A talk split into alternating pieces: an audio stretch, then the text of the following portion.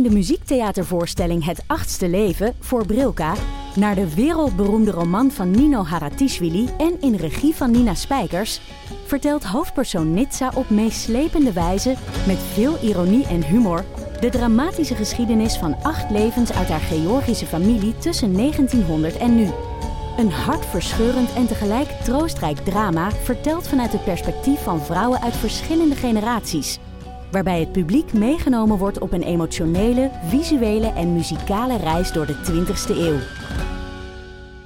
Koop je tickets voor het achtste leven via oostpol.nl. Bla bla bla bla bla bla. Bla bla bla bla. Idealen zijn prachtig, maar woorden verliezen betekenis als je niks doet. Dus laten we met z'n allen wat minder praten en meer doen. Bij Agmea zijn we vast begonnen. Zo gaan wij voor minder verkeersslachtoffers, gezonde werknemers en duurzame woningen. Waar ga jij voor? Kijk op www.werkenbijagmea.nl.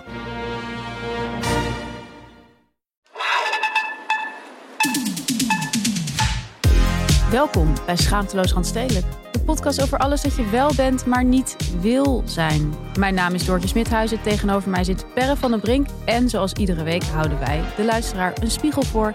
En onderzoeken we de paradoxale relaties met de systemen om ons heen. Ja, en vandaag, ze hebben enorme invloed op ons leven.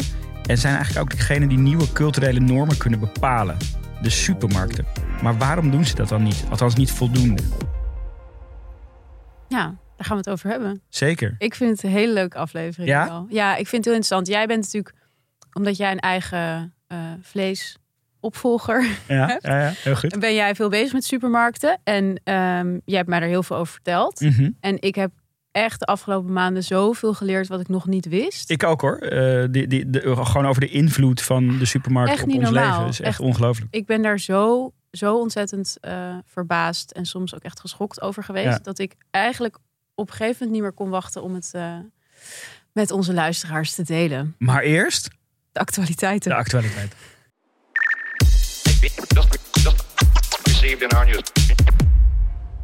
Ja, nou, ik. ehm, Gefeliciteerd. ja, jij ook gefeliciteerd. Thanks. Eh, de kleine komedie zit vol. En ik was deze week, of dit weekend eigenlijk, enorm gefascineerd door degene die het laatste kaartje ging kopen. Mhm. Er was nog één. Ik, ik had een fascinatie voor degene die het ene laatste kaartje heeft. Ja. Waarom vond jij die boeiender? Nou, omdat op een gegeven moment waren wij natuurlijk als twee egomaniaken de hele tijd aan drie fresje hoeveel kaartjes er nog, nog, Ja. nog waren. En er waren twee kaartjes. Helemaal uit elkaar zaten ja, ook. ja, sowieso de laatste twintig kaarten waren gewoon één persoonskaarten. Ehm, dus sowieso shout-out naar al die mensen die, die één kaartje hebben gekocht zonder een vriend of vriendin. Ehm, Kan natuurlijk ook Ja, dat- gaan en niet bij elkaar gaan zitten. ja, maar dat lijkt mij, lijkt mij gewoon heel Ik denk ongezellig. dat het wel overkomelijk is. Ja, nou, je kan nakletsen. Zo'n grote zaal. Het is geen Nee, oké. Maar het is toch gezelliger om naast elkaar te zitten. Gezelliger om naast elkaar te zitten. Anyways, die eh, de, ehm, ene laatste kaart, die zat gewoon letterlijk achter een pilaar. Ja. Dus ik dacht, nou, dat wordt sowieso de kaart die overblijft. Maar die werd dus dan eerder nog verkocht dan dat laatste kaartje. ja, grappig. Misschien dat mensen dan liever toch een soort veiliger voelt om dan nog achter een pilaar te gaan Misschien zitten. denken ze dat wij als soort comedians eh, ze door de mangel gaan halen. Dat gaan we toch ook? ja, wie weet. Enorme publieksparticipatie. Maar wel echt heel leuk. Heel leuk. En ik wil echt heel graag weten wie dat laatste kaartje heeft gekocht. Ja, meld je in, Ja. in onze DM. Jij had weer een nieuw, eh, weer een nieuw een of ander nieuw niche Ja. Instagram account wat je wilde We delen. hebben, we hebben misschien weer, misschien hebben we ook een soort niche voor mij ontdekt, namelijk niche Instagram account. Ja, je had echt behoefte aan een niche. Ja, ik deze vorige kwam een tijdje. Ik heb hem, ik heb hem eerst eventjes in, in de achterzak gehouden om, te- om te kijken hoe die zich ontwikkelde. Maar inmiddels eh, verdient, hij, verdient hij de plek eh, in de uitzending. Heb jij vroeger op een Montessori school gezeten? Ja, Ja, dat verwerk je echt aan jou. hoezo? Je kan jezelf zo goed vermaken. Dat jij dan dit soort gedachten hebt als... Oh, dit account. Ja. Ik hou het nog even in de achterzak.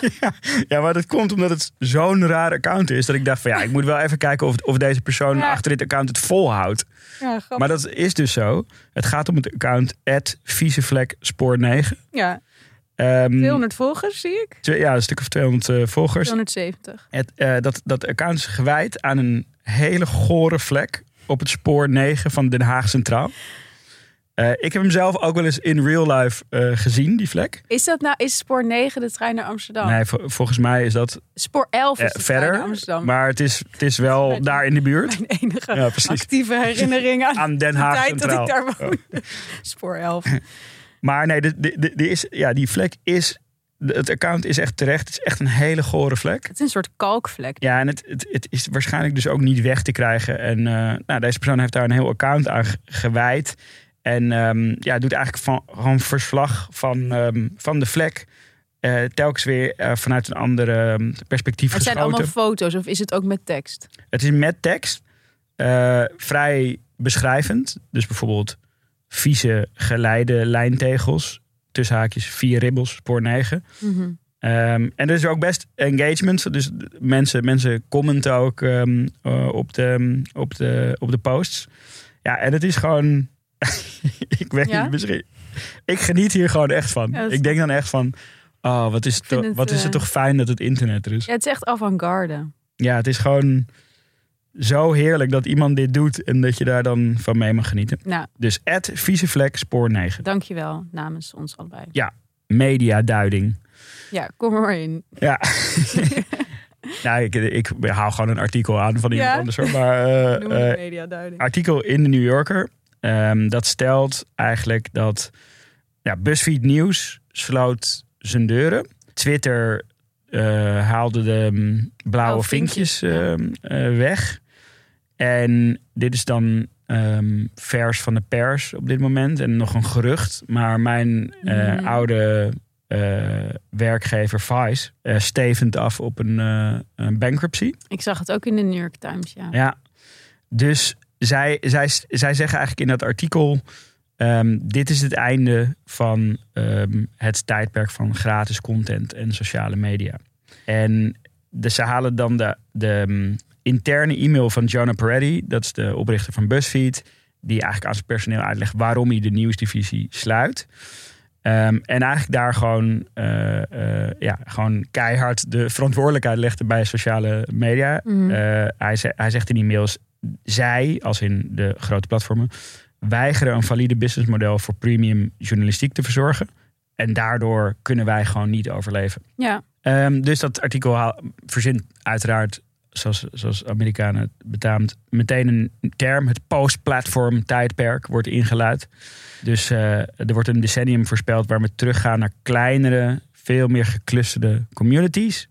Dus dingen op ja, fora op Reddit, service op Discord. Ja, met Eh, past eigenlijk heel erg in die aflevering die we Ja. Laatst maakten Ja. de creator economy. Ja, het is eigenlijk inderdaad een, een, een een soort verlengstuk van de creator economy. Ja, het zou eigenlijk heel goed nieuws zijn, toch? ergens, eh, eh, de- eh, kijk, het, het, het, het, gaat uit van een bereidheid om ook weer te betalen voor, Ja. voor media, ehm, of voor digitale media. En dat lijkt mij sowieso goed nieuws. Ja. Dus ehm, ik ben benieuwd. God, dat Twitter, dat gaat ook echt down the drain, hè? Ja, dat is echt niet normaal. Sinds die Musk dat gekocht heeft. Ja, de- hij gaat zelf ook vooral Ja, the hij neemt, hij sleept. Dat is echt- Ja. niet, niet te doen. Over Over Elon Musk gesproken. Jeetje, wat we ex? er Is lekker dat zijn in. ex, of- Ja, ze hebben samen Ja. een kind. Oh, weet je hoe dat kind heet? Ja, ja, ja, een hele lijpe naam heeft dat kind, toch? Ja, het heet E XAEA12. Ja, Ik zeg het vast niet goed. Nou nee, ja. ik denk het ook niet. Maar eh, in ieder geval, het zegt genoeg over, over hun twee. Ja, Ehm, maar, daar gaat het niet over. Wat zij ehm, tweeten... het gaat over Grimes, volgens mij. Hebben we er- Ja, oh, zo, ja, we Ja, hebben de naam nog helemaal niet genoemd. Ja. Die zegt, ik vind het oké als je met mijn stem AI-gegenereerde muziek maakt. Mhm. Zolang je maar 50% van de royalties geeft. Ja. Best vrij... De eerste die dat zegt, toch? Ja. Die zegt. Ja, maar ook gewoon meteen... Ze geeft dus eigenlijk meteen 50% van de royalties weg aan degene die er iets mee doet. Oh, ik denk dat het heel slim is. Ja, ik vond het ook wel, eh, ik vond het ook wel vet. Ik denk dat zij zichzelf meteen positioneert als een van de meest gebruikte stemmen. Ja, Omdat zij er iets over zegt. Ja. En ik bedoel, ja, 50 procent. Ja. Weet je hoeveel dat is? Ja. Zij hoeft niks te doen. nee. Nee, dus maar ik, ben, ja, ik, ik, weet- ik, weet, ik weet niet hoe grote hits zij eigenlijk scoort. Eh, In mijn perceptie is het vrij obscuur wat zij doet. Heeft ze niet ook wel een soort... Ze heeft toch een hitje gehad op een gegeven Ik moment? weet het niet. Ik heb toch altijd het idee dat het een beetje zo'n soort derde podium Coachella act is. Ni- niet echt een, een mainstage knaller. Dat is een date. Derde podiumcoach. nou ja. Maar dat maakt haar misschien juist interessant, toch? Ik Nee, bedoel, zeker, zeker. Want, Zij is wat meer een niche-artiest. Nee, precies. Dus zij zoekt de Ik samenwerking denk op daadwerkelijk op. dat die mensen die nu AI-nummers aan het creëren zijn, dat zijn ook niet de DJ Tiesto's van Nee. de wereld, zeg maar. Nou, ja, de ding is altijd wel gedaan. Hè? Ehm, David Guetta had, had ehm, met Eminem's stem dat nummer eh, gemaakt. Oh, echt? En? Ja, dus die had hem een nummer laten rappen. En het, ja, ik weet niet, daar kwam best wel veel eh, backlash op. Oh, Omdat hij dat zo ook zelf ging aankondigen. Dat hij dat tijdens een DJ-set ging de microfoon pakken en vertellen dat hij met AI Eminem een nummer had laten maken. Ja. En dat, ja, daar, daar kwam best wel veel eh, kritiek op. omdat Eminem er nog niet van wist. Nee, en die vond het ook helemaal niet cool dat hij, Oh. dat, dat, dat hij dat Ja, deed. dat is wel een beetje... Ehm, dus eh, in, in dit geval geeft zij gewoon vooraf en eigenlijk dat vind ik dus heel slim. Ja, Ja. dat vind ik Ik ook. ben ook wel eh, inderdaad, wat je zegt, heel benieuwd wat er, wat er nu gaat gebeuren. Dus we gaan het in de gaten We gaan dit in houden. de gaten houden. Oké, voordat we doorgaan eh, naar het onderwerp de macht van de supermarkt, hebben we eh, niet één, maar twee nieuwe sponsors. Voor, voordat we doorgaan naar de macht van de supermarkt, gaan we nu even door naar de kracht van de verrassing.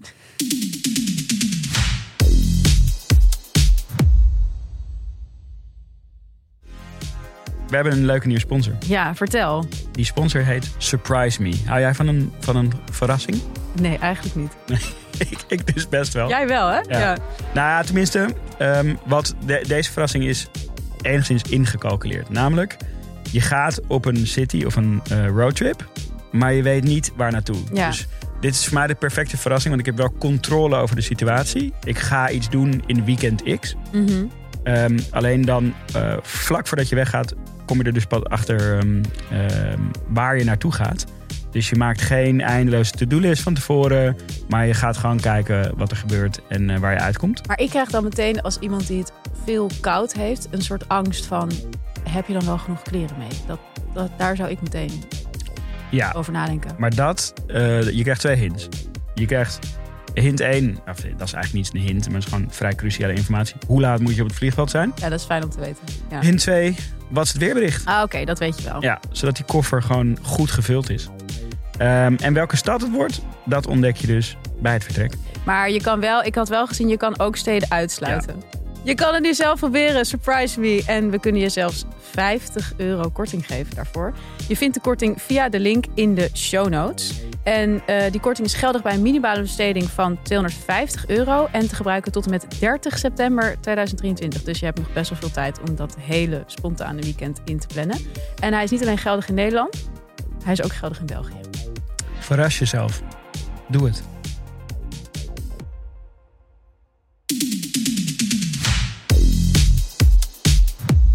Oké, nu heel serieus. Ja, Want het is heel serieus, eigenlijk. het is zeker serieus. willen bespreken. Ja, nee, de, de, de supermarkt is een serieuze zaak, zou je, Mhm. zou je kunnen stellen. Ja. En- En er was een, was een eh, concrete aanleiding Ja. om het er nu toch een keer over te hebben. Ondanks dat we het er dus al lang met z'n tweeën over hebben. Was dat jij mij doorstuurde. ehm, Albert Heijn wil een B Corp worden. Ja. Nou, we hebben het natuurlijk al, ook, vaak gehad over die B Corps. En wat is dat nou en in hoeverre slaat het ergens op. Mhm. Maar daarna stuurde je mij een screenshot van eh, de tien eh, grootste en meest lucratieve merken. ehm, die in de supermarkt Ja, dus de, de, de, de tien merken die het meeste omzet eh, genereren in de supermarkt. Ja. En dat zijn eigenlijk... Kunnen we wel, kunnen we wel een paar noemen, toch? Marlboro, Camel, Cola, Hertog Jan, Campina, Lees, Heineken en Unox. ja, en je noemde hem nu van 1 naar Ja, 10. ja, Dus Marlboro en Camel zijn gewoon de twee... veruit. Ja, de grote. En oké, het zijn natuurlijk relatief dure eh, producten. Mhm. Ehm, want er zit veel accijns op. Maar eh, dat, dat matchte toch niet helemaal met, die, ehm, eh, met, die, eh, met dat andere bericht. Namelijk dat eh, Albert Heijn gaat voor de B Corp eh, certificering. Ja, want wat is nou precies zo'n B Corp? Ja, dus het credo van B Corp eh, is make business a force for good. Eh, en zij geven dus eigenlijk certificaten uit aan bedrijven die voldoen aan de allerhoogste normen op het gebied van duurzaamheid, inclusiviteit en transparantie over de, over de keten, over Ja. de supply chain. Eh, en die supply chain is daar ook, ehm, ja, ex, die weegt extra zwaar mee. Dus je krijgt punten voor eh, als je het goed doet en je krijgt aftrek als je het, als je het niet goed doet. En dan kom je uiteindelijk op een soort waardering uit die je dan wel of niet een B Corp certificaat geeft. En Albert Heijn heeft dus aangegeven waarom wij willen Eh, dat was tijdens de presentatie van hun duurzaamheidsverslag. ze- Zegt ze van we willen echt die stap maken en eigenlijk voor de certificering gaan. Wat natuurlijk in de regel Supergoed. fucking goed nieuws is. Ja. Want dat zou echt ja, ongelooflijk grote invloed ehm, eh, op onze maatschappij kunnen hebben. Ja. Maar ja, als dan de dag erna zie je dat, dat, Ja. dat staatje van, van die eh, tien eh, of de, acht meest verkochte. Want hebben ze daar toen iets over gezegd? Tijdens Nee. die, hoe ze dat dan willen doen met cola en Heineken Nee, en Marlboro? Nee, nee, nee. nee, nee. god, Marlboro gewoon bijna 630 miljoen. Ja, ja, en dit gaat, dat lijstje is overigens niet alleen Albert Heijn. Het gaat gewoon Alle over super, supermarkten, supermarktbreed. ja. Maar dat, dat zegt dus, ja, het zegt dus ook best wel veel over ons consumptiegedrag. hè. Totaal. Ja. Ehm, dus aan de ene kant supergoed nieuws. Aan de andere kant van ja, oké, dit lijkt niet echt met elkaar ehm, eh, te stroken. ja, vooral ook als het gaat om die transparantie, volgens mij. Ja. Dat is echt Ja. een Ja. ding. Nou goed, dus we zijn er ingedoken en eh, we gaan het erover hebben. En Nou oké, dus even beginnen met gewoon wat basic cijfers. Supermarkten verzorgen 70% van al het voedsel wat we eten in dit land. Echt gestoord veel. En eigenlijk bepalen dus vijf grote retailers wat er in Nederland gegeten wordt en wat er geproduceerd wordt. Dus dat zijn Albert Heijn, die hebben een aandeel van 37%, super groot. Jumbo 21% en dan heb je dus Super Unie, dat is dan de Vomar Dus eh, en de Plus. Eh, en dan heb je de Lidl en Aldi, die zijn dan respectievelijk 10 en 5%. En maar die machtspositie die is dus gewoon bizar groot. ja, en ongelooflijk groot. Die is eigenlijk, eh, eigenlijk zowel richting de consument als richting de leverancier gewoon echt een monopolie, kunnen we wel zeggen.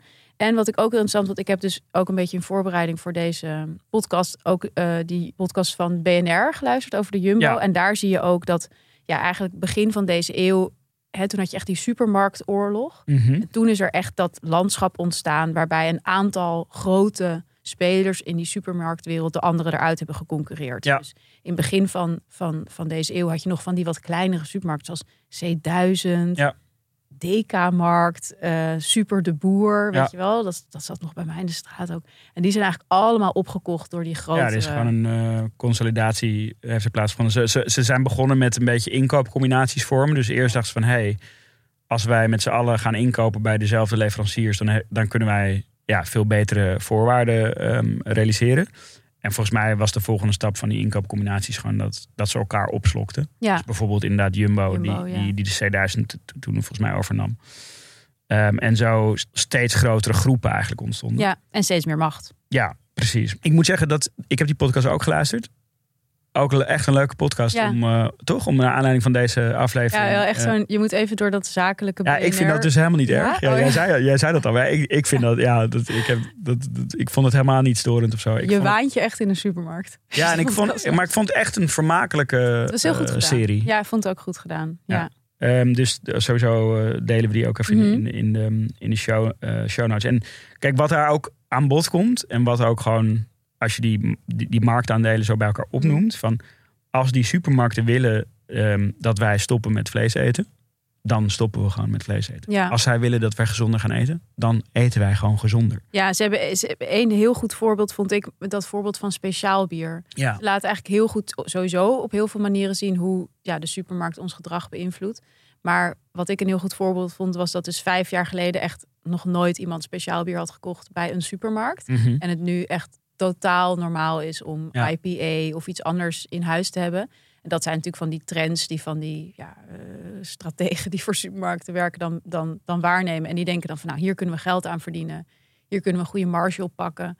Eh, laten we hierop inzetten. En volgens werd dat ook hè, met allerlei apps en zo do- door de Jumbo bijvoorbeeld dan ook aan de man gebracht. Mhm. En eh, met steeds weer nieuwe aanbiedingen en Ja. steeds weer nieuwe producten. En daar laten ze eigenlijk heel goed zien van de supermarkt bepaalt niet alleen wat we eten, wat we consumeren, maar ook wat we zien als normaal. ja, Dus de supermarkt bepaalt dat we het normaal vinden om eh, met Pasen een heel arsenaal aan paaseieren te eten. De supermarkt bepaalt nu dat eh, elke man een eiwit wil eh, op zaterdag of zondag als Ajax speelt. In plaats van een normaal biertje of zo. weird voorbeeld, maar, maar goed, ja. Oké. Moet die anders? Is dat Nee, niet nee, zo? dat is een heerlijk voorbeeld. Maar is toch zo? Ik zit te denken of ik een eiwit wil terwijl ik Ajax kijk, maar... Ja, ik heb het, gewoon meer, dit is een biermoment. Ja, oké, ik probeer me in te leven Ja, in de man die in de speciaal biertje Ja. Ja, je hebt gelijk. Oké. ik ga er weer uit. Nee, maar, maar wat, je, wat je zegt klopt gewoon helemaal. Weet je, die, die, die culturele ehm, impact is gewoon Ja. enorm. En daar, daar, daar zijn ze zich ook bewust van. En dat, dat komt ook terug eigenlijk in die missiestatements. Dus als je bijvoorbeeld naar de Albert Heijn kijkt als voorbeeld. ehm, zij zeggen samen beter eten bereikbaar maken voor iedereen. Dat is eigenlijk de missiestatement van, van Albert Heijn. En nou, als je de, de verdiepende tekst daaronder, ehm, dan, dan zie je ook dat ze zich heel bewust zijn van die culturele impact. Dus dan zeggen ze bij Albert Heijn geloven dat eten en drinken een essentiële rol speelt in het oplossen van de grote uitdagingen in de maatschappij. Het levert een belangrijke bijdrage aan een gezonde levensstijl. Het verbindt mensen met elkaar. En draagt bij aan een beter klimaat. En daarmee aan een, aan een ehm, eh, duurzame samenleving. Mhm. En dan, weet ik veel, een alinea of twee alinea's daaronder. Eh, wordt, er wel, wordt er wel even een nuance gelegd. Dat Albert Heijn snapt dat beter eten voor iedereen anders is. Dus daar zit ook een soort van. Daar, daarmee per- permitteer je je ook van. Ja, en dus verkopen we ook Marlboro. Ja, En, en eh, ja, ja. dingen die als dat dus- beter is voor jou. ja, als dat jou beter is, dan is het, dan is het ook oké. want wij zijn er voor iedereen. Ja, Ehm, maar dat is natuurlijk. Daarom ben ik benieuwd hoe die ontwikkeling zich. Eh, of de, de- hoe, hoe die wens om B Corp te worden zich gaat manifesteren. Want dat gaat toch. De, de, de essentie van B Corp willen zijn is een soort intrinsieke motivatie om, Ja. om je business als force for good in te zetten. Dus dat zou dan eigenlijk. tegelijkertijd ben ik heel eerlijk gezegd met die B Corp zelf ook. Ik bedoel, Rituals is ook een B Corp. Nee, zeker. Daar hebben we het ook al eerder over gehad. Dus, dat- dus, maar maar, maar de, ehm, zwart-wit ge- gezien. Het, het, dat er zo'n keurmerk is wat populairder wordt. En dat daarmee Ja. grotere bedrijven zich durven aan te sluiten bij zo'n beweging. Zeker. Dat is in de regel gewoon goed. Maar als je dan zo bijvoorbeeld die, die, die, die nuance die ik dan net voorlees. Ja. Van ja, we snappen dat, dat het voor iedereen anders is. Ja, dan moet je dus ook wel de, de, de stap durven zetten. En eh, ook gewoon dingen eruit durven gooien of zo. Ja, dat komt ook heel duidelijk naar voren in die podcast over de Jumbo. Als je bijvoorbeeld kijkt naar die kiloknallers. Weet je, iedereen weet inmiddels, kiloknallers zijn slecht. Ze zijn eigenlijk slecht voor iedereen. Ja. Weet je wel, ze zijn slecht voor de dieren, slecht voor het milieu, slecht voor de mensen, Ja. slecht voor de boeren die het moeten aanleveren. Ja. Het is gewoon helemaal kut. Slecht voor de supply chain. Alles is er slecht aan, maar toch doen we het nog steeds. En dan i- wordt dus ook hè, aan zo- zo'n zo iemand aan, of ja, mensen van de Jumbo dan gevraagd: van waarom doen jullie dat nog? Waarom werken jullie niet meer samen met biologische boeren? Of, hè? En dan zeggen zij eigenlijk: ja, dat kunnen we wel doen, maar dan verkopen we het niet, want de consument wil toch minder betalen. Ja. En dat is heel erg dat vraagstuk volgens mij waar we vandaag ook op willen inzoomen van in hoeverre is dat nou een valide argument? Want als je dus kijkt naar dat verhaal van dat speciaal bier, ik bedoel, de supermarkten zijn er ook in geslaagd om mensen 3 euro te laten betalen voor een, een flesje bier, waar ze ook, weet ik veel, 80 cent of zo voor een flesje bier Mhm. kunnen betalen. Dus je kan mensen wel beïnvloeden. 100%. En dat hele argument van ja, de consument die heeft er niet zo'n zin in, is gewoon niet valide. Nou, dat, dat argument wordt eigenlijk ook alleen maar gebruikt als het op het verdedigen van dubieuze keuzes aankomt. Ja, En nooit andersom of zo, weet je. ja, Kijk, ooit hebben ze ook, to- toen ik bij Vice werkte, had iemand bij, ik ben even vergeten wie, wie dat geschreven heeft, maar iemand bij Munchies, het food eh, platform, Mhm. had een heel leuk stuk geschreven over eh, de oorsprong van gourmetten. Oh, wat leuk. En ja, dat is echt een heel leuk, moeten we ook eventjes in de show notes zetten. ja. Eh, dat was dus eigenlijk branded content. Ja, ja, Het was gewoon, eh, die, die, pannetje, die pannetjes moesten verkocht worden. En ze hebben dat er gewoon bij verzonnen.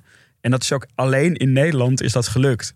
En dat, dat was helemaal niet een Nederlands ding. Domme schapen zijn. Het was geloof ik een Zwitsers merk of zo. Ja, En eh, dat, dat verhaal van gezelligheid en weet Ja. wel, dat is in Nederland gewoon geland. En dat hebben die supermarkten dus gewoon doorheen kunnen pushen. Om, eh, om ook die, ehm, die vleesverkoop Ja. en, die, en, die, en die gourmet sets daarmee eh, bij te verkopen. Dus dan zie je gewoon dat zij ja, eh, iets wat wij nu als soort extreem Hollands beschouwen. ja, echt als een traditie. Ja, gewoon wa- waar, mensen boos van zouden Ja. worden als je het ze afpakt. Dat dat gewoon genormeerd wordt door, door ehm, het supermarktwezen. Heel boeiend. Ja, dus dat is misschien een soort gek, gek klein voorbeeld wat wel veelzeggend is. Ik zag ook een goed stuk in NRC erover ehm, hoe gewoon die hele supermarkt draait gewoon om beïnvloeding. Ja, Dus het zit in heel veel. Eigenlijk dit- je hele bezoek aan de supermarkt wordt je constant beïnvloed om keuzes te maken die je eigenlijk niet wil maken, maar vervolgens toch maakt. Dus Ja. er zijn heel veel voorbeelden van. Dus begint dan eh, dat, je de, dat je eerst, groe, eerst langs groente en fruit loopt. Eh, ik had er allemaal ideeën over waarom dat is, maar nu weet ik dus waarom Ja. dat is. Omdat je dan eerst groente en fruit in je mandje doet en dan voel je je al gezond. En Ja. dan ben je dus klaar om ongezonde keuzes Ja. te gaan maken waar de supermarkten veel hogere Ja, want je hersens maken een soort balansafweging van oké, hoe is mijn mandje? Hoe balanceert dat Ja. qua levensstijl? En dan heb je natuurlijk nog ook allerlei andere dingen. Dat ze bepaald licht, dat ze een soort van meer geel licht bij de bananen hebben. Ja. Blauw licht bij de vis, zodat het er verser uitziet of zo. En ook dat ze dus die, ehm, ja, je, je weet het eigenlijk wel, maar toch vergeet je het weer. Dat ze eh, van die smellitizers hebben, Mhm. van die geurmachines bij Ja. brood. Dat het er altijd naar croissants Ja. ruikt. En toch denk je altijd als domme consument, oh, dit is allemaal net Lekker, vers is net gebakken. vers gebakken. En eh, de muziek is ook een mooi voorbeeld van, da- dat is overigens ook een tip. Ehm, Alexander Klupping en Ernst-Jan Fout hebben een keer een gast geïnterviewd. Mhm. Die eh, verantwoordelijk is bij Jumbo voor Jumbo Radio. Ze hebben hun eigen radiostation met presentator. Echt? Ja, die presentator gaat dan ook vakkenvullers bellen die dan die dag jarig zijn of zo. Oh, wat leuk. En dat, dat is wel echt heel leuk. Ja, het is echt, echt Ja. heel grappig. En ehm, die muziek is natuurlijk gaan helemaal geoptimaliseerd op, die, ehm, op, op dat supermarkt, eh, op die ervaring, zeg Ik maar. heb het idee dat in de supermarkt altijd dat ene nummer van James Blunt op staat. Ja, You're beautiful. ja, terwijl dat, ja, Zo'n kutnummer. ja, ik wou zeggen, doesn't really get me in the mood, zeg maar. Nee, maar het is denk het is gewoon muzak. Dat Ja. het is eigenlijk. Ja, Maar goed, qua die beïnvloeding vond nog een paar leuke dingen. Eh, Bijvoorbeeld in dat NRC-stuk dat ze dus eh, flessen wijn uit de schappen halen. Dus dat ze één flesje wijn uit de schap halen. Zodat het lijkt alsof iemand die voor je heeft gekocht. En dat ze dus altijd naast de fles die ze willen verkopen, waar ze goede marge op pakken, eh, zetten ze een duurdere fles. Want Ja. Nederlanders willen natuurlijk nooit de goedkoopste fles, maar ook De niet de, duurste fles. Maar Nederlander wil altijd de middeldure fles ja. Dus daar staat ze gewoon altijd een duurdere fles naast, die nooit iemand koopt ja, ja, ja, precies. waarschijnlijk heel vies is. Dus dat, eh, dat zijn allerlei voorbeelden van hoe je ja, gewoon hoe dat hele verhaal van de consument moet het zelf kiezen gewoon nergens op slaat. Ja, ja, en dat, ja, nogmaals, dat dat gewoon alleen maar gebruikt wordt bij het verdedigen van ja, hun dubieuze keuzes. ja. Maar dus als je hem weer wederom omdraait, dan wat, wat als je het dus wel voor de better doet? Mhm. Eh, wat voor impact je dan kunt maken is echt gewoon... Wat voor impact ze zouden kunnen maken Ja. als ze zouden zeggen van we gaan nu zoals we op speciaal bier hebben ingezet, gaan we inzetten op eh, vleesvervangers. Precies. Dat zou, dat zou echt een enorme. Ja, la- daar gaan we het verder over hebben. Maar voordat we dat gaan doen, gaan we eerst nog even naar onze tweede sponsor. We hebben Geheel in We thema. hebben een hele toepasselijke sponsor. De Fairtrade Week. We hebben echt weer een heel jaar op moeten wachten. Maar volgende week is het eindelijk zover. Het is Fairtrade Week volgende week. Eindelijk. Toch? Ja, Koop jij wel eens Fairtrade producten, Doortje? Ik denk het wel. Ik denk dat ik best wel veel Fairtrade producten koop. Misschien niet eens bewust, Mhm. omdat ik gewoon veel biologische spullen koop. Maar ja, het is wel iets waar ik op let. Zeker. Ja? Jij? Ik ook wel, ja zeker. Ehm, ik ik ehm, heb sowieso ook een Fairtrade koffiemerk. Dat meen je niet. Ja. Ehm, maar ik koop ook in de, in de supermarkt graag eh, de Fairtrade alternatieven. Dus het is dubbel feest voor jou komen. De, ja, het is, een, het is Als één groot consument feest. en producent. Ja, want Fairtrade is een keurmerk voor producten zoals inderdaad koffie, maar ook chocola, thee, bananen, noten, katoen. En het is ook echt een wereldwijde beweging. Want Fairtrade zet zich in om de leef- en werksituatie van miljoenen boeren en werknemers op plantages wereldwijd te verbeteren. En om het milieu te beschermen. Nou, dat zijn allemaal dingen waar wij enorm Ja, we deden er net een beetje lachen over, maar het zijn eigenlijk... Het is echt nee, het is Superbelangrijke echt heel dingen. belangrijk. En tijdens die Fairtrade Week vragen ze aandacht voor de boeren en werknemers die ons voedsel verbouwen in Afrika, Azië en Latijns-Amerika. Supermarkten, bedrijven en merken promoten deze week hun Fairtrade producten extra en vrijwilligers organiseren allerlei activiteiten om te laten zien hoe belangrijk eerlijke handel is. Nou, dit is dus een heel mooi moment om een keer bewust te consumeren en iets meer na te denken over wat jij kan doen om bij te dragen aan een eerlijke wereld. Fairtrade is namelijk in alle supermarkten te verkrijgen. Nou, dat hebben ze toch mooi voor elkaar gekregen daar bij Fairtrade. Zoek online vooral het Fairtrade Week magazine op op www.fairtradenederland.nl slash magazine. En daarin vind je recepten en aanbiedingen en verhalen over wat Fairtrade doet en welke producten allemaal Fairtrade zijn. Past helemaal in de B Corp ambities van de Ja, supermarkt. helemaal. We gaan meteen door. We gaan meteen door met het onderwerp.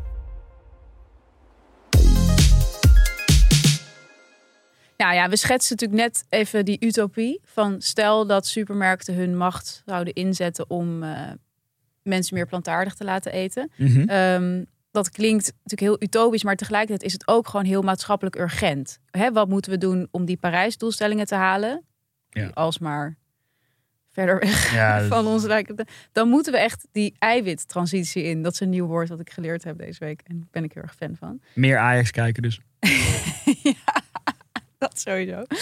Maar we eten nu 60% dierlijk eten en 40% plantaardig. En als we die Parijsdoelstellingen willen halen, dan moet dat gewoon omgekeerd gemiddeld voor elke Nederlander. Supermarkten doen daar natuurlijk wel iets aan, maar eigenlijk nog veel te weinig. Want als je ziet wat ze bijvoorbeeld aan eh, portiegroottes aanhouden qua vlees, nou dat is veel te veel per persoon, is ook gewoon niet gezond. En nou die kiloknallers, we benoemden het net al. Ja, en die prijs ook. Hè? En ook de, de schappositie. Dus, dus Ja. op welke plek ligt het Hoogte. product? Ja, niemand wil knielen voor, eh, voor een tofu-burger. Niemand wil knielen voor niks. Niemand wil knielen voor niks. Maar de supermarkten willen ook niet knielen. Nee. Want die zeggen eigenlijk altijd, als het hier om gaat, zeggen ze dus komen ze in eerste instantie met ja, de consument wil het niet betalen, dat, of eh, die wil die keuze niet maken. En ten tweede is het argument wat ze altijd ehm, aandragen is ja, wij kunnen wel eh, duurzame producten gaan aanbieden, wij kunnen wel eh, eerlijke eh, prijzen gaan vragen, waardoor de producenten ook ja, duurzamer kunnen gaan ondernemen. Maar dan verkopen we die producten niet en dan gaan alle Gaan ze naar een ander? gaan alle klanten naar een andere winkel. En het punt is, dat is gewoon niet zo. Want je Mhm. hebt in dit land de ACM, de Autoriteit Commerciële Markt. En die heeft al best een tijd een regeling voor supermarkten getroffen... die eigenlijk helemaal tegen hun eh, ja, normale eh, handeling ingaat. Namelijk, ze hebben het mogelijk gemaakt dat supermarkten prijsafspraken kunnen maken... voor producten die duurzaamheid bevorderen. Ja. Dus dit hele argument slaat eigenlijk nergens op. Want wat zij hebben zij gezegd, jullie kunnen onderling met de supermarkten en de leveranciers een afspraak maken van nou deze biologische kip, dit, eh, deze goed geproduceerde koffie, daar gaan we 2 euro of 5 euro of whatever. Ja, daar dus- gaan we supermarktbreed dit bedrag voor Ze vragen. hebben ze zelfs bij elkaar gezet. Ze hebben een diner georganiseerd. Al die, al die afgevaardigden eh, naast elkaar gezet. En eigenlijk basically gezegd, jullie mogen een kartel vormen. Ja, ga, go, go, vorm een kartel. Ja. En dan las ik nu eh, een maand geleden of zo stond in de Volkskrant. Er is nog niet één zo'n prijsafspraak gemaakt. Ja, dus, dus ehm, waarom, waarom niet? Weet je? Van, doe, doe het gewoon. Nou ja, waarom niet? Omdat mensen dus blijkbaar vinden die supermarkten dus toch geld verdienen belangrijker dan de wereld positief veranderen. Ja. Ja, dat is het. Ja, dus daar dat schuurt dat krijg. B Corp verhaal weer. Ja, Goed, kijk, er is wel één nuance. ehm, eh, maak die- maar even een nuance. Ja, dus die, ik begrijp wel van, vanuit de supermarkt. Als je kijkt naar de, de marges die supermarkten maken, die zijn relatief laag. Als je dat vergelijkt met, met, eh, met andere eh, industrieën. Ze maken enorm veel omzet, maar heel weinig winst. Mhm.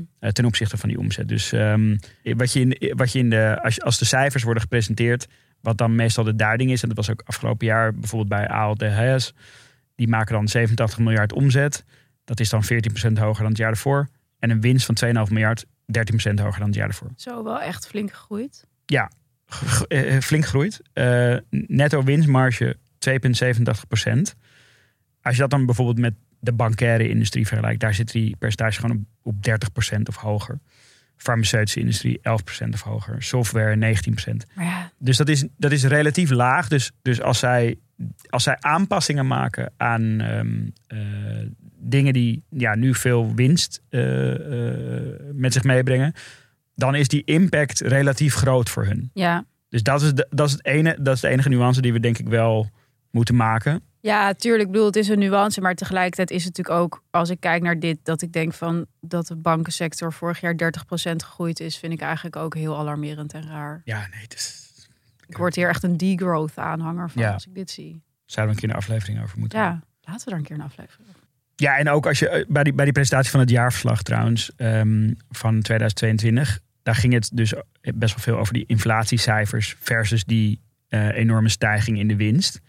Eh, wat natuurlijk ja, een beetje een Mhm. gevoelig onderwerp is. En Hesses topman zei toen van wij verwachten dat er dit jaar een einde komt aan de hogere prijzen in de supermarkten. En dat ze wellicht zelfs kunnen dalen. Nou, goed nieuws denk je dan? Ja, Eh, en dan staat erachter, het bedrijf onderhandelt daarover met producenten. nou ja, Met dat- andere woorden, ja. die, dat Die wordt dan verlegd naar, Ja, naar, maar- naar de producenten. Maar dat is precies wat ik ook, en dat vond ik ook goed in die eh, BNR-podcast zitten. Maar goed, wij hebben het hier ook al redelijk wat over gehad. Is dat als je kijkt naar eh, die rol van die supermarkten, het gaat niet alleen de kant op van de consument. Het gaat minstens zo hard eh, die kant op van de ondernemers en de producenten van die producten. Want dat is iets wat eigenlijk ook ik als gewoon leek in de supermarkt, als gewoon schaapachtige consument me niet echt realiseer. Is dat al die spullen die daar staan, of een heel groot deel, die zijn aangeleverd door mensen ehm, die in hun werk ook weer enorm worden beïnvloed door wat die supermarkt van ze wil en wat die Ja. supermarkt van ze eist.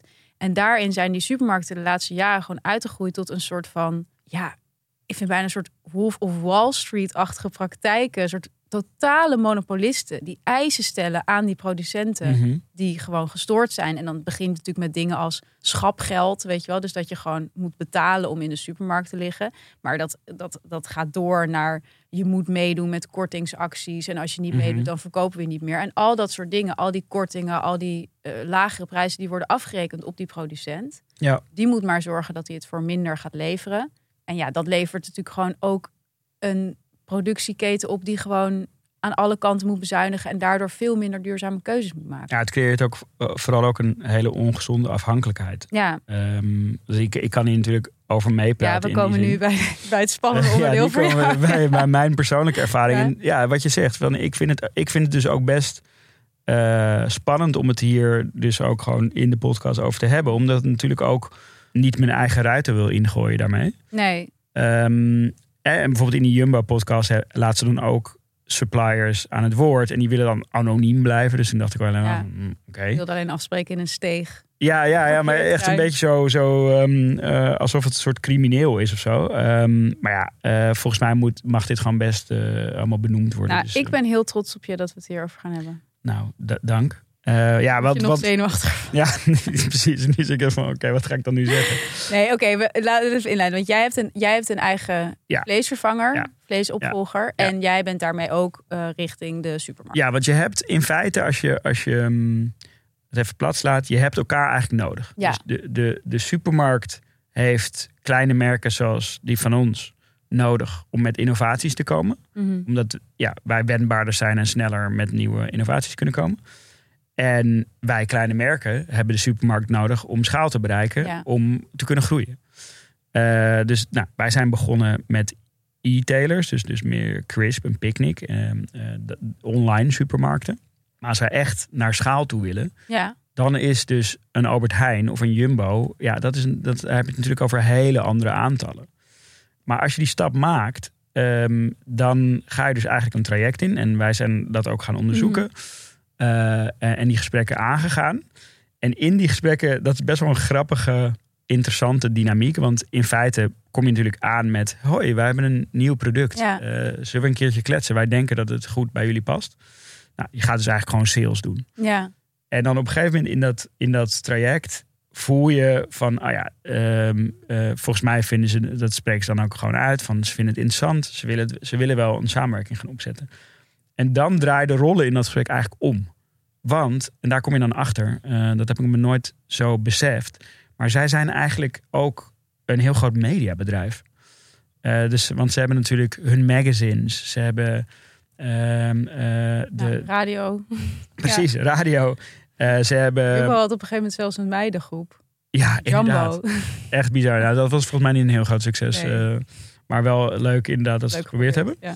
Maar ze hebben dus al die, ehm, ja, die dingen Ze waarmee zijn een je. merk eigenlijk. Ze, ja, maar ze, ze hebben hun eigen kanalen. Mhm. dat, dat is eigenlijk wat ik probeer Ja, te zeggen. Dus, dus de promotie van die artikelen vindt plaats binnen de mediaomgeving Mm. eigenlijk een gesloten circuit is het.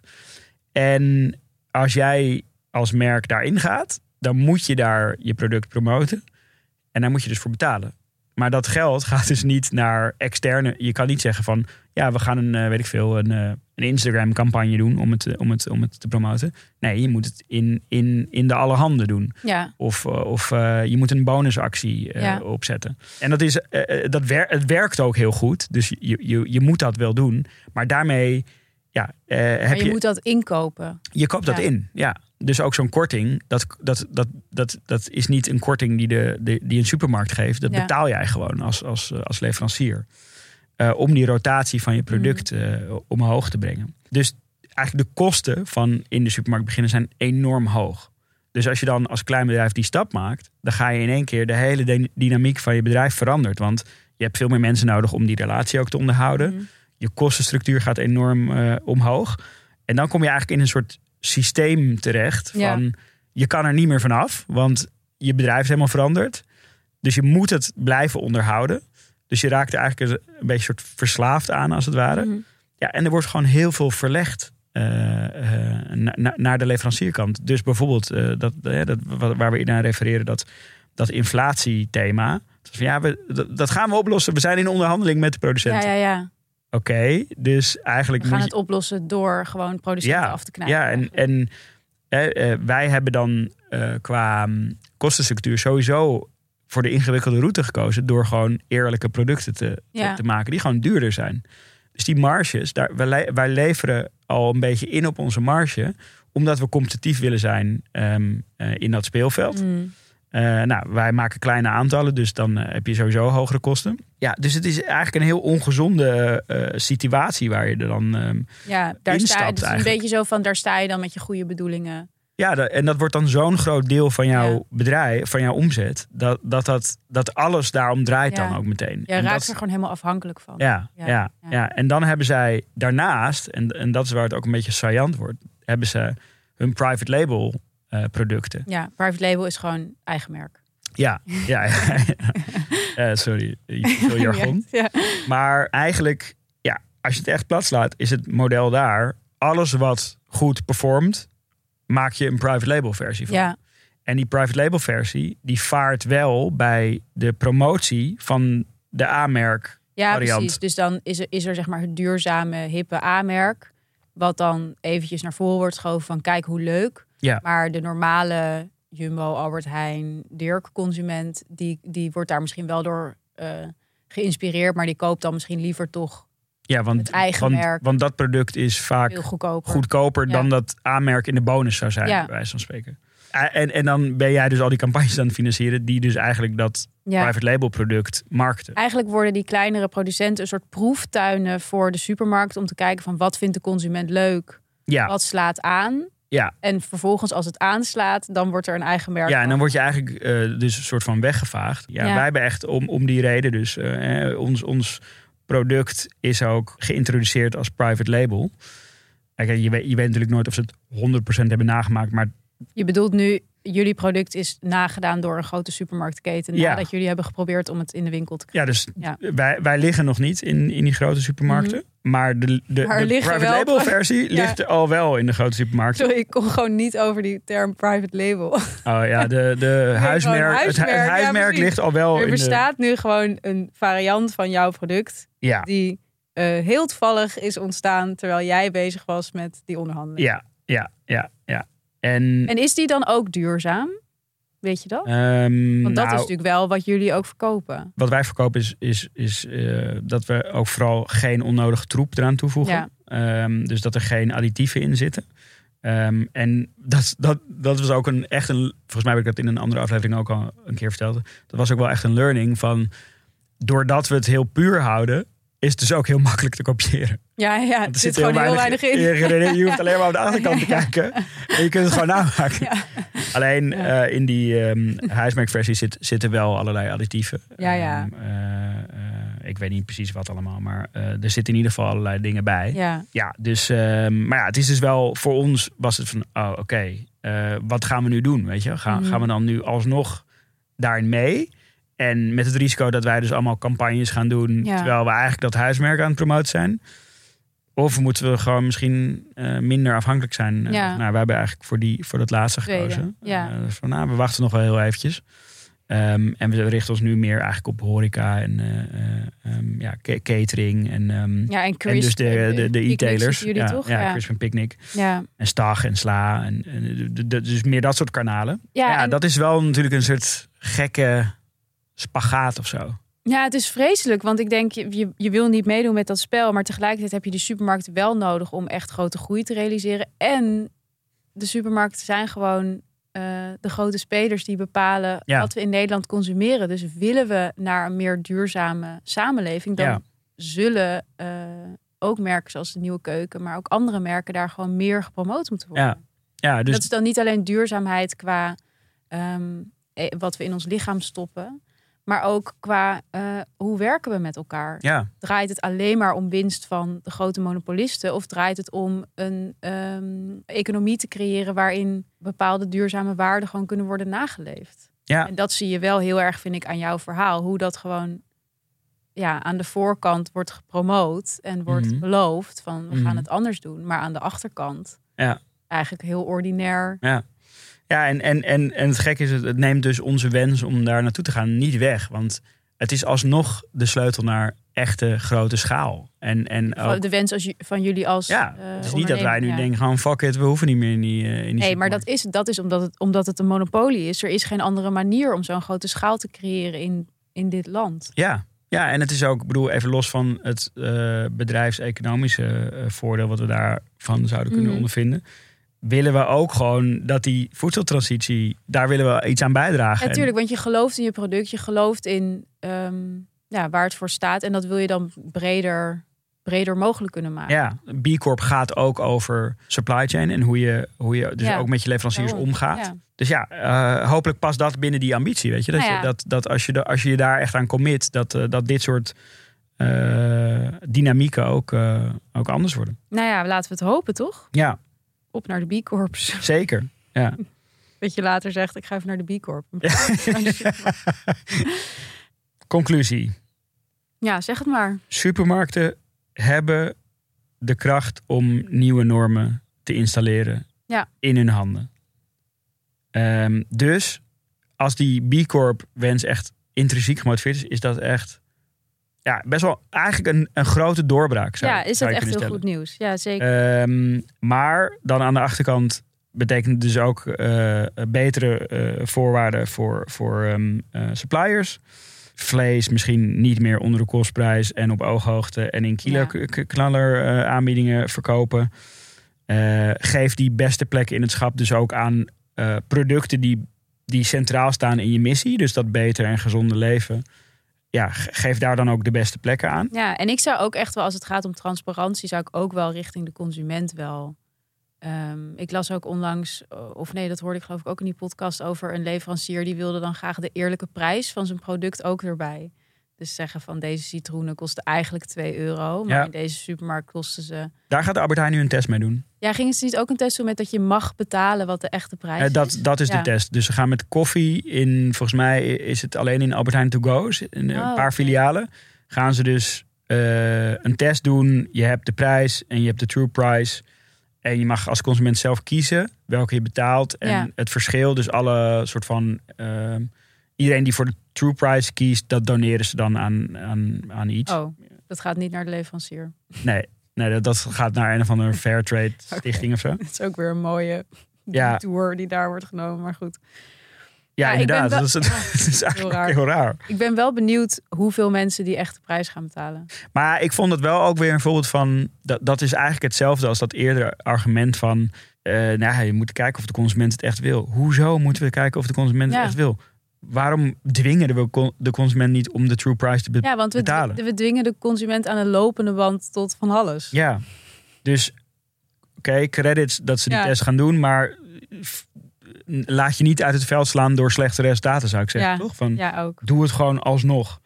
En ik snap ook wel echt van, kijk, het is systemische verandering. Dus Albert Heijn bijvoorbeeld, beursgenoteerd bedrijf, Mhm. fucking honderdduizenden aandeelhouders. Het is echt moeilijk om al die mensen eh, eh, mee te krijgen in dit soort veranderingen. Dus op zich verdienen ze de credits ervoor. Jumbo daarentegen, familiebedrijf. Ja. Zij kunnen het gewoon eh, ehm, eh, met een stemming kunnen ze het doen. ja. Dus die, die, die stap naar echt. an- hebben wel even wat anders aan hun hoofd, denk ik. Ja, nou, ze hebben wel een nieuw managementteam, toch? Dat is waar. Die kunnen nu heel, heel snel stappen Ja. maken misschien. Ja. Ja. Nee, maar ja, je- je- zij kunnen dat eigenlijk veel makkelijker in gang zetten. Ja, maar goed. Ik, ik zet dan wat dat betreft toch meer mijn geld op eh, Albert Heijn dan op Jumbo. Ja, vooralsnog zijn zij de first mover in. Eh, Ja. Wat, wat eh, best wel bijzonder is als, als je bedenkt dat ze beursgenoteerd zijn. Ja. En alle supermarkten, maak nou gebruik van die mogelijkheid die de ACM je biedt. ja, dat vooral. Van, waarom Zo'n zou je dat niet doen? Zo'n doorbraak als het gaat om prijsafspraken. En dan zijn er, is er nog geen één. Doet me denken aan die eekhoorntjes over die ecobrug. Weet je, we hebben die hele brug gebouwd. ja, is loopt één één eekhoorn Ja. overheen. Prachtige brug. Dus ehm, ik ben benieuwd of die afspraken gaan komen. Ik ben trots op je per, Ehm, dankjewel. deze aflevering. Ik vond het uiteindelijk ook, ja, als je het gewoon vertelt, dan denk ik ook van, ja, hoezo Ja. ben ik hier eigenlijk gespannen voor, weet je? Van, Het is eh, gewoon hoe het is toch is. ook helemaal niet, ik zeg toch helemaal niks geks of zo, weet je? Nou, en wat het is, je, je, eh, je geeft mensen ergens ook de kans om beter na te denken over hun eigen consumptie. Want ik heb door jou wel echt heel veel geleerd over eh, ja, de impact van wat je zelf ook koopt in de supermarkt. Mhm. En als je dat niet weet, ja. Ja, Dus je hebt, je hebt de mensheid eigenlijk gewoon een dienst bewezen. thanks. Ik ga Namens best wel, best wel lekker mijn dag in eigenlijk. Ja, dat eh, snap ik. Ehm, nou, voordat ik dat doe. voordat jij je dag in gaat, nog een kleine reminder voor iedereen. Vergeet niet het Reply All Festival te bezoeken. Dat kan nog tot en met 14 mei. En met die prachtige kortingscode Randstedelijk 5, en dan is Randstedelijk met een hoofdletter R, krijg je 5 euro korting. We zien jullie daar. Bye. Plezier.